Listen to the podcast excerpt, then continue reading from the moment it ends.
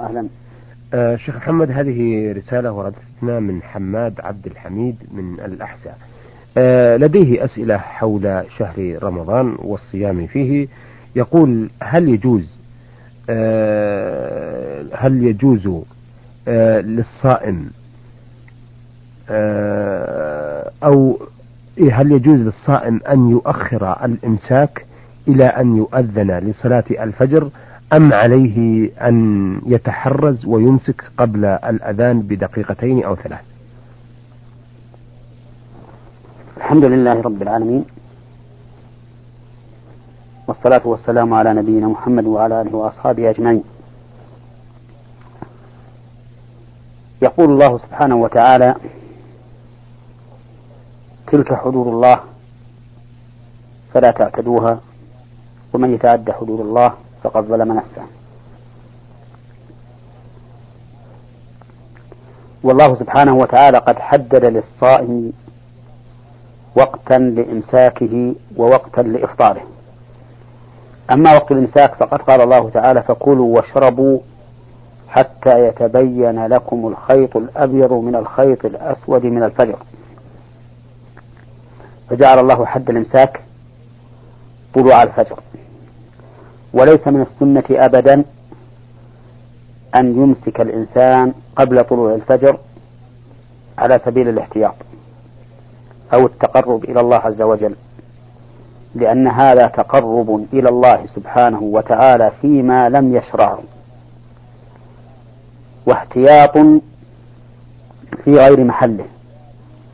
والنبي عليه الصلاة والسلام قال لأصحابه إن بلالا يؤذن بليل فكلوا واشربوا حتى يؤذن ابن أم مكتوم. وقد روي أنه ليس بينهما بين أذانيهما إلا أن هذا يصعد وهذا ينزل. وإن كان في هذه الرواية ما فيها من النظر لكن على كل حال النبي عليه الصلاة والسلام أمر أصحابه أن يأكلوا ويشربوا حتى يؤذن ابن أم مكتوم. قال صلى الله عليه وسلم فإنه لا يؤذن حتى يطلع الفجر. فهذه هي السنة. وما يفعله بعض الناس حيث يجعلون في إمساكية رمضان مدفع الإمساك يقولون أو وقت الإمساك ثم وقت طلوع الفجر لا شك أن هذا خطأ وليس بالصواب إذا فالإنسان يأكل ويشرب حتى يتبين له طلوع الفجر إما بمشاهدته إن كان في بر وإما بسماع أذان الثقة الذي لا يؤذن حتى يطلع الفجر. وكذلك أيضا بالنسبة للغروب فإن الناس مأمورون بتعجيل الفطر من حين من حين تحقق غروب الشمس أو غلبة الظن في غروبها. فإذا غربت الشمس وإن لم يؤذن فإنك تفطر فإذا قدر أنك في البر أو في مكان مرتفع يتبين به غروب الشمس فإنك تفطر وإن لم تسمع المؤذن.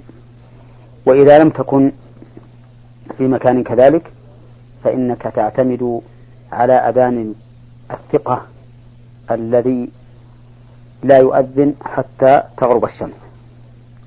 وإذا قدر أن أحد من المؤذنين أذن قبل أن تغرب الشمس وأنت تشاهد الشمس فإنه لا يجوز لك الإفطار حتى تغرب الشمس. نعم. آه أيضا آه لدى المستمع سؤال آه آخر. آه يقول فيه آه ما حكم من يجمع ريقه ثم يبتلعه في نهار رمضان؟ لا ينبغي أن يفعل ذلك. لأنه ينبغي للإنسان أن يجعل الطبيعة على ما خلقها الله عليه. وهذا الريق إذا جمع إذا جمعته ثم بلعته فقد حبسته عن سيره المعتاد. ثم إن بعض أهل العلم قال إنه يكره أن يجمع ريقه فيبتلعه وعلى هذا فلا ينبغي لك أن تفعل ذلك. ولكن لك أن تتمضمض إذا نشف فمك وصعب عليك الكلام أو شق عليك ذلك تتمضمض لأجل أن يبتل الفم لأن الفم لأن الفم آه، ليس الوصول إلى إليه مفطرا نعم. يعني ليس وصول الطعام أو الشراب إليه مفطرا نعم. نعم. آه سؤاله الآخر يقول يوجد بعض الناس وخاصة بعض الموظفين إذا أراد الخروج من منزله آه تطيب طيبا قويا ووضع بخاخا في فمه ليحسن من رائحته بعد النوم الطويل بعد الفجر. فما حكم ذلك؟ وفقكم الله. التطيب للصائم لا بأس به سواء كان ذلك في رأسه أو في لحيته أو في ثوبه. وأما استعمال البخاخ في الفم فهذا أيضا لا بأس به. إذا كان ليس ذا أجزاء تصل إلى المعدة فأما إذا كان ذا أجزاء تصل إلى المعدة فإنه لا يجوز استعماله لأن ذلك تعريض لفساد صومه. أما إذا كان بخارا لا يعدو الفم فإنه لا يضر سواء استعمله لتطيب فمه أو استعمله لتسهيل النفس عليه. كما يفعله بعض المصابين بالضغط ونحو هذا. نعم. على أني أحب لهذا الذي يستعمل البخاخ لتطيب فمه أحب أن يراجع الأطباء في ذلك لأنني قد سمعت أن استعمال الطيب في الفم نهايته أن يكون في الإنسان بخر ورائحة كريهة في فمه. فينبغي أن لا يستعمل هذا لا في الصوم ولا غيره حتى يسأل الأطباء. نعم. والله موفق. آه سؤاله أي سؤال حماد عبد الحميد بن رحسة سؤاله الأخير يقول لماذا يسلم كثير من الكفار في نهار رمضان أو في شهر رمضان؟ فيصلون ثم يكفرون بعد خروجه فيتركون الصلاة. أرجو ألا يكون في سؤاله هذا حدة على مستمعي برنامجكم الكريم. يسلمون في نهار رمضان؟ يسلمون في شهر رمضان. في شهر فيصلون. رمضان. فإذا خرج رمضان ف... ثم يكفرون بعد خروجه فيتركون الصلاة. لعله يريد بالإسلام هنا ليس إسلام الكافر ولكن استقامة حال بعض المسلمين. لا لأن هل آه، الإنسان إذا ترك الصلاة يعتبر مسلما؟ لا.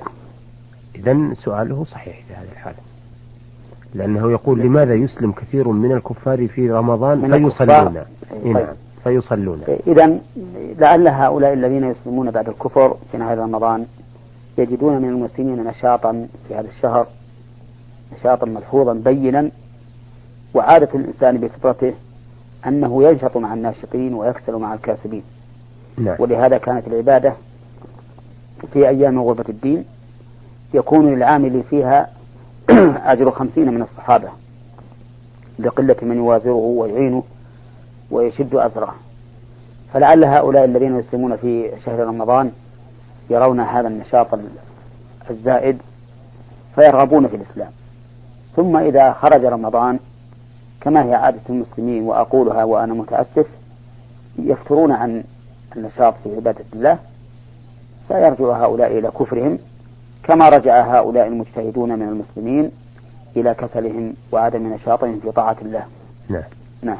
لكن أليس في التعبير حماد هذا غلظة؟ لأنه يقول آه، يسلم كثير من الكفار في نهاية رمضان فيصلون وهو فيما أعتقد يقصد بعض الناس الذين هم يعتبرون من المسلمين لأنهم قبل رمضان لا يصلون أبدا. فإذا دخل رمضان اتجهوا إلى المساجد وصلوا. فإذا ذهب رمضان تركوا الصلاة ورجعوا إلى ما فيه ما كانوا عليه. هو في الحقيقة ليس فيه غلظة.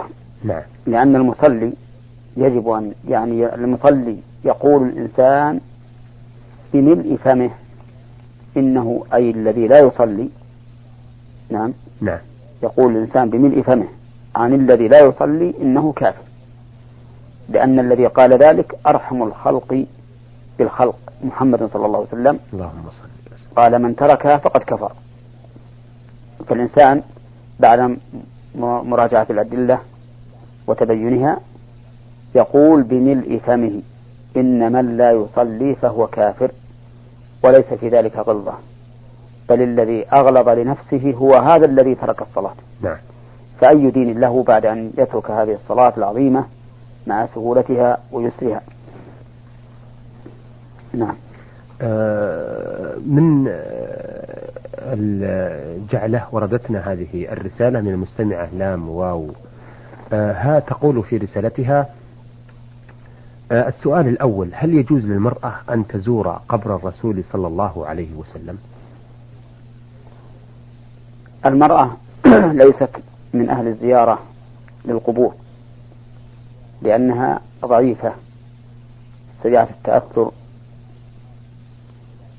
قوية العاطفة فيحصل في زيارتها من المنكرات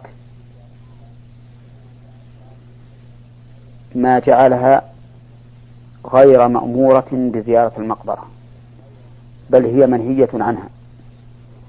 بل لعن النبي صلى الله عليه وسلم زائرات القبور.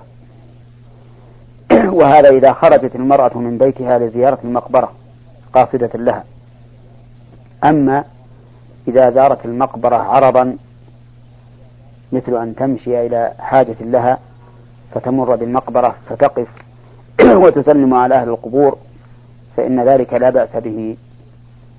فقد علم النبي صلى الله عليه وسلم عائشة ما تدعو به إذا زارت القبور.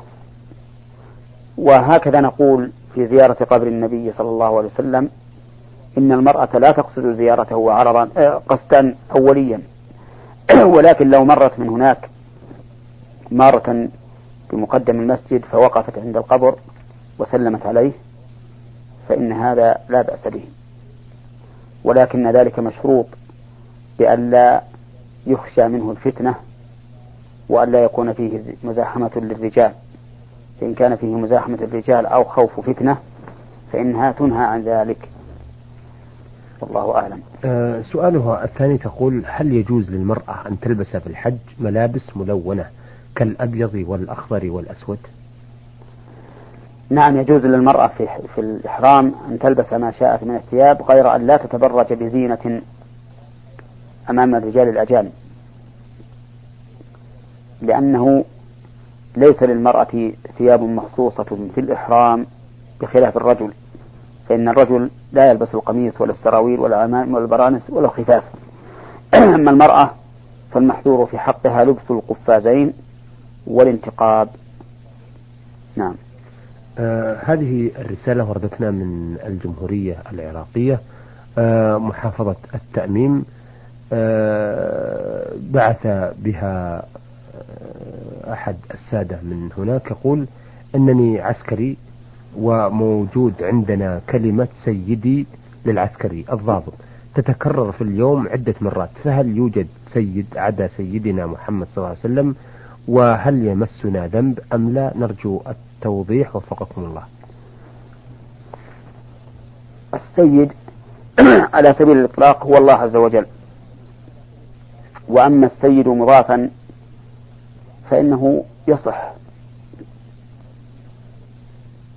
لأنه يكون سيادة خاصة بشرط أن يكون المقول له ذلك أهلا للسيادة. فيجوز مثلا أن يقول الإنسان لأبيه هذا سيدي ولأخيه الكبير هذا سيدي ويقول العبد لمالكه هذا سيدي كما قال النبي عليه الصلاة والسلام وليقل سيدي ومولاي وكذلك قال النبي عليه الصلاة والسلام قال للأوس حين أقبل سعد بن معاذ رضي الله عنه قوموا إلى سيدكم. فالمهم أن الإنسان يجوز له أن يصف من هو أهل للسيادة بأنه سيده. أما إذا كان هذا المقول له ليس أهلا للسيادة لكونه فاسقا أو كافرا فإنه لا يستحق. ولا ينبغي للمسلم أن يقول له سيدي لأن هذا إذلال للمسلم والمسلم يعلو بإسلامه على غيره من بني البشر. نعم. آه سؤاله الأخير يقول إنني والحمد لله أصلي وأعمل جميع شعائر الدين وموجود في السوق نساء سافرات وأيضا فهل وأنا أراهن فهل يمسني فهل يمسني ذنب أم لا؟ والسلام عليكم ورحمة الله وبركاته. لا ريب أن خروج النساء سافرات في الأسواق لا ريب أنه من المنكر الذي يجب على من رآه أن يغيره بيده فإن لم يستطع فبلسانه فإن لم يستطع فبقلبه وأنه يجب على ولاة أمور المسلمين أن يمنعوا النساء من الخروج إلى الأسواق سافرات لما في ذلك من الفتنة وجلب الشرور عليهن. وأنت إذا مررت بالسوق وأنت لا تستطيع أن تغير هذا المنكر فإنه لا حرج عليك. إذا قمت بما يجب عليك من هذه المراتب تغير بيدك فإن لم تستطع فبلسانك فإن لم تستطع فبقلبك فلا حرج عليك. ولكن لا تتعمد النظر إلى هؤلاء النساء السافرات فإن النظر سهم مسموم من سهام إبليس نعم. من تركه رغبة فيما عند الله وخوفا منه أورثه الله تبارك وتعالى حلاوة يجدها في قلبه قال الله تعالى قل للمؤمنين يغضوا من أبصارهم ويحفظوا فروجهم ذلك أزكى لهم إن الله خبير بما يصنعون نعم. شكرا أثابكم الله. أيها المستمعون الكرام إلى هنا نأتي إلى نهاية لقائنا.